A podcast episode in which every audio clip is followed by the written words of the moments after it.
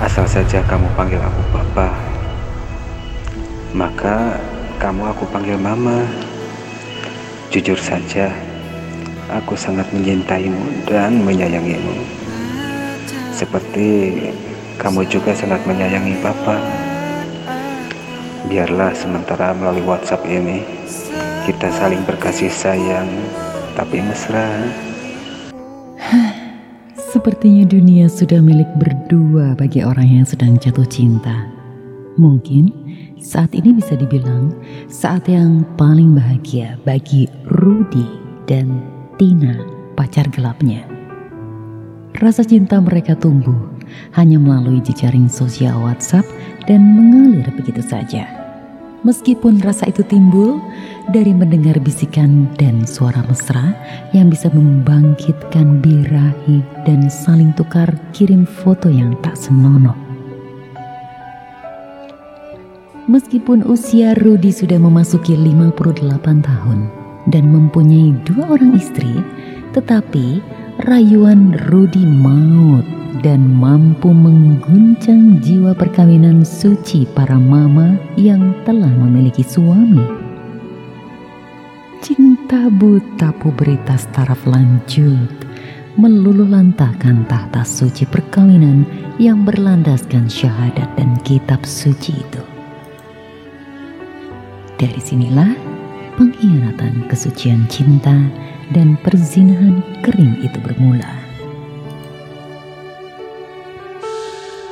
Hari itu, grup WhatsApp yang dibuat oleh mantan alumni kampus sedang ramai-ramainya membahas soal keagamaan, mulai dari soal etis hingga masalah non-etis dalam keagamaan.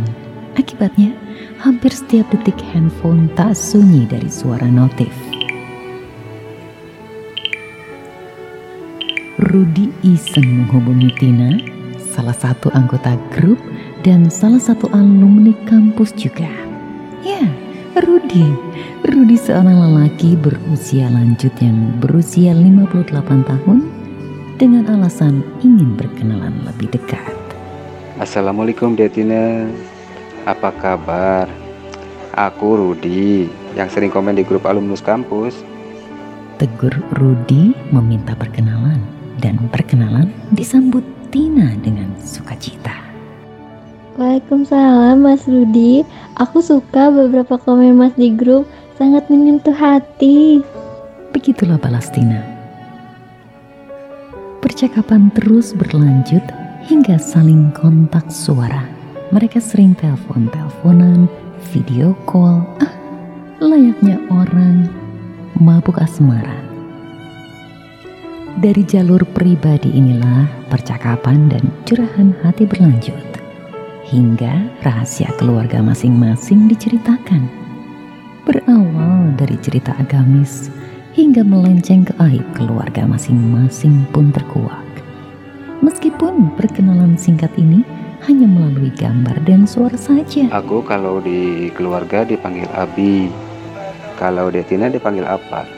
Mau tahu apa mau tahu banget nih? Kalau aku dipanggil mama, emang kenapa? Masa kita sudah banyak bercerita tidak tahu panggilan masing-masing? Terus terang, aku mau adik panggil aku papa dan aku panggil kamu mama. Papa merasa cocok dengan mama dan sayang sekali. Cinta benar sama mama. Kayaknya kalau semenit aja gak kontak atau gak dengar mendengar suara mama, papa merasa gak bisa tenang, malah Gak bisa tidur, Mam. Rudi mulai merayu. Rayuan Rudi gayung bersambut. Tina yang sudah kepincut langsung menerima tawaran cinta yang diawali dari kesalutan Tina terhadap cerita keilmuan agama yang dilontarkan oleh Rudi di grup WhatsApp, termasuk beberapa cerita kehidupan pribadinya. Lalu lupalah mereka dengan larangan agama tepatnya di bulan awal November 2020. Rasa cinta dan syahwat Rudi dan Tina kian tak terbendung lagi. Perselingkuhan yang notabene pengkhianatan cinta terus menggila. Bahkan sudah keluar dari jalur kewajaran yang katanya sebagai insan beragama. Malam itu, saat suami Tina sedang tidak ada di rumah, Tina menelpon Rudi.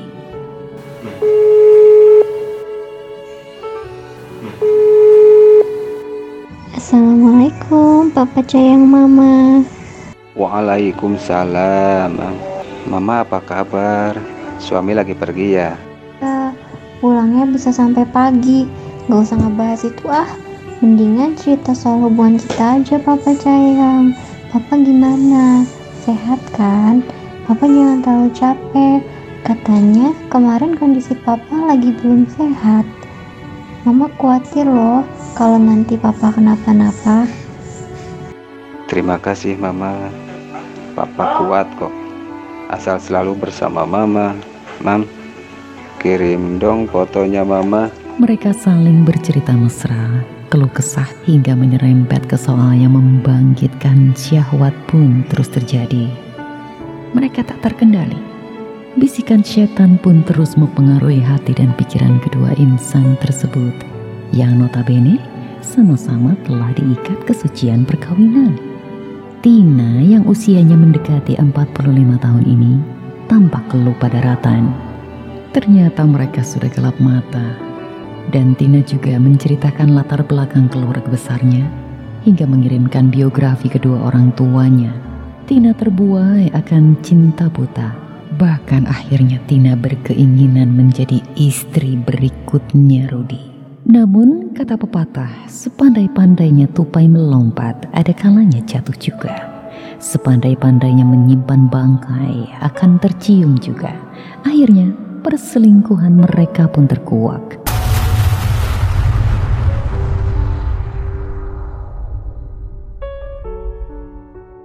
Entah mengapa suami Tina kala itu pulang sesaat ke rumah. Dilihatnya kondisi rumah bak kapal pecah. Piring bertumpuk, cucian pun belum dicuci hingga menggunung. Dan dilihatnya Tina lagi duduk mesem-mesem sembari memegang HP. Tina sempat ditegur oleh sang suami, namun suara Tina malah menjawab lebih keras dari suaminya dan bernada marah. Gak usah negur aku, gak usah ngatur-ngatur aku. Aku mau senang-senang, kurang senang kita cerai. Awalnya suami Tina terpancing amarah, tapi tak berapa lama terdengar suara istighfar suaminya dan suaminya pun berlalu pergi. Namun hubungan mereka pun terus berlanjut. Tina semakin berani dan hidupnya pun semakin tak fokus dengan rumah tangganya. Mereka makin sering video call dan tampak rumah Tina berantakan dan anak-anaknya pun tak terurus. Rudi, rasanya ada kebanggaan tersendiri bagi seorang Rudi yang bisa menggoda istri orang. Sampailah pada satu ketika, Rudi dan Tina sedang bervideo call, saling tertawa girang karena membahas suatu hal. Tiba-tiba suami Tina pulang dan memergoki semuanya. Suami Tina marah luar biasa, amarah memuncak, dan pertengkaran hebat pun terjadi. Kalimat meminta diceraikan beberapa kali terlontar. Cerai, cerai, cerai. Meskipun kitab suci di kepala Tina, ia pun tak peduli. Tina tidak mengakui kalau dirinya berselingkuh. Oh, Tina. Akhirnya bantahan Tina pun pupus setelah di dalam memori telepon terkuak kalau dirinya berselingkuh dengan Rudi. Sempat bertukar foto dan video. Derayan air mata Tina membasahi pipinya hingga akhirnya. Akhirnya Tina mengaku telah melakukan pengkhianatan cinta suci.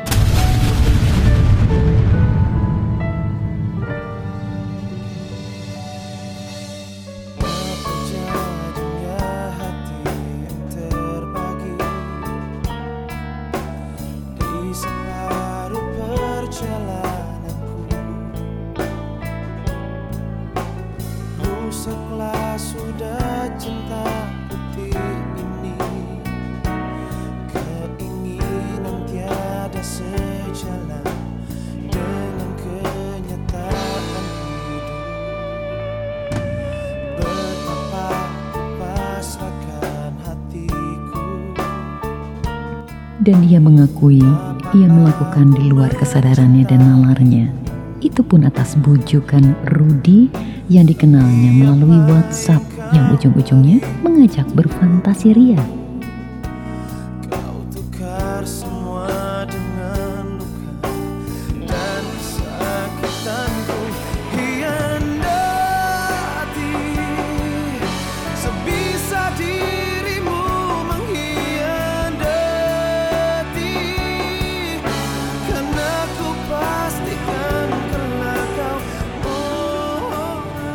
Keluarga pun akhirnya diadakan tanpa kehadiran Tina yang malu.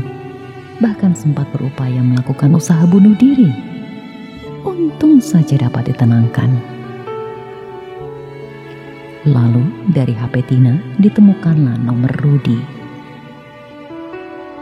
Dan suami Tina segera menelpon Rudi. Anda ini gimana? Masa sudah tua masih juga berkelakuan begitu? Iya pak, maaf saya ini hilap. Tapi bukan saya yang mengajak lebih dulu, tapi istri bapak. Ya Allah ya Robi, aku sungguh-sungguh sangat menyesal dengan semua perbuatan ini. Sejak itulah Rudi sudah tidak tahu lagi berita Tina dan Tina juga sudah tidak tahu lagi berita Rudi. Sejak itu Tina insaf dan Rudi pun insaf kembali ke istrinya dengan lebih bertanggung jawab sepenuhnya. Mulai saat ini aku mulai membenahi diri dengan landasan agama yang betul-betul berlandaskan agama. Ini bukan hanya dakwah belaka, tapi ini benar-benar penyesalan saya. Eh, saya sangat menyesal dan ke depannya semoga aku dan keluargaku dijauhkan dari segala hal yang tidak baik. Memang di balik semua peristiwa selalu ada hikmahnya. Rudi insaf, apalagi dia mempunyai anak perempuan, dan Rudi pun takut karma itu menimpa anak perempuannya. Betapa ku pasrahkan hatiku Betapa aku mencintaimu apa yang kau beri untukku? Kau tukar semua dengan luka Dan kesakitanku. Hianati sebisa dirimu